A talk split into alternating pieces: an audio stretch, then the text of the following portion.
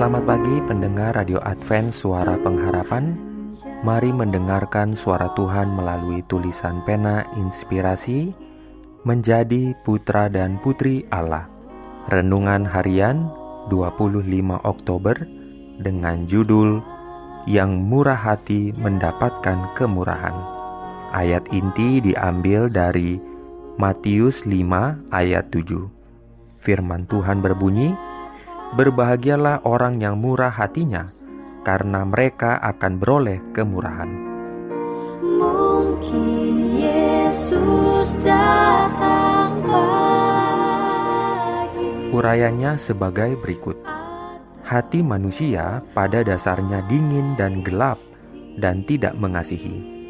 Kapan pun seseorang memanifestasikan roh belas kasih dan pengampunan, dia melakukannya bukan dari dirinya sendiri, tetapi melalui pengaruh roh ilahi yang bergerak di hatinya. Kita mengasihi karena Allah lebih dahulu mengasihi kita. Tuhan sendirilah sumber segala belas kasihan. Namanya penyayang dan pengasih. Dia tidak memperlakukan kita sesuai dengan ganjaran kita. Dia tidak bertanya apakah kita layak atas kasihnya, tetapi dia mencurahkan kekayaan kasihnya kepada kita untuk menjadikan kita layak. Dia tidak pendendam. Dia berusaha untuk tidak menghukum, tetapi untuk menebus.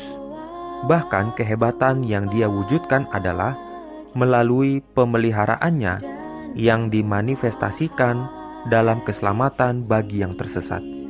Dia mendambakan dengan keinginan yang kuat untuk meringankan kesengsaraan manusia.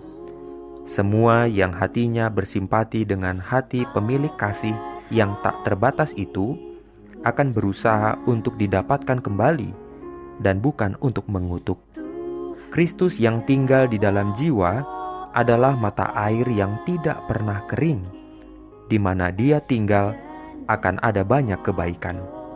Untuk memanggil orang-orang yang bersalah yang jatuh kepada pencobaan, korban dari keinginan dan dosa, orang Kristen tidak bertanya, apakah mereka layak diselamatkan? Tetapi bagaimana saya bisa mendapat keuntungan dari mereka?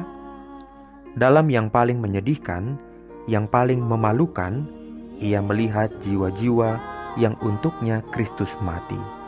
Yang berbelas kasih adalah mereka yang memanifestasikan belas kasihan kepada orang miskin yang menderita dan yang tertindas.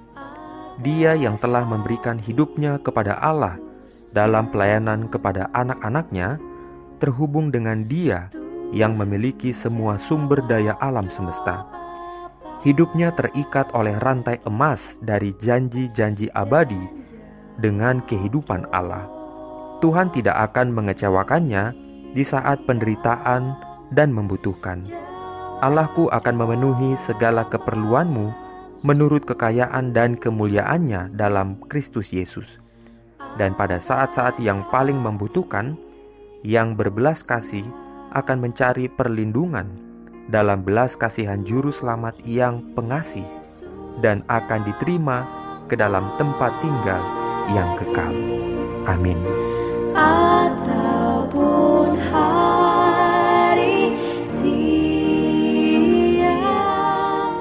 Jangan lupa untuk melanjutkan bacaan Alkitab sedunia.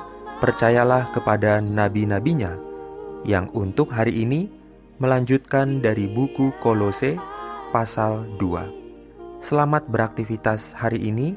Tuhan memberkati kita semua. Mungkin datang malam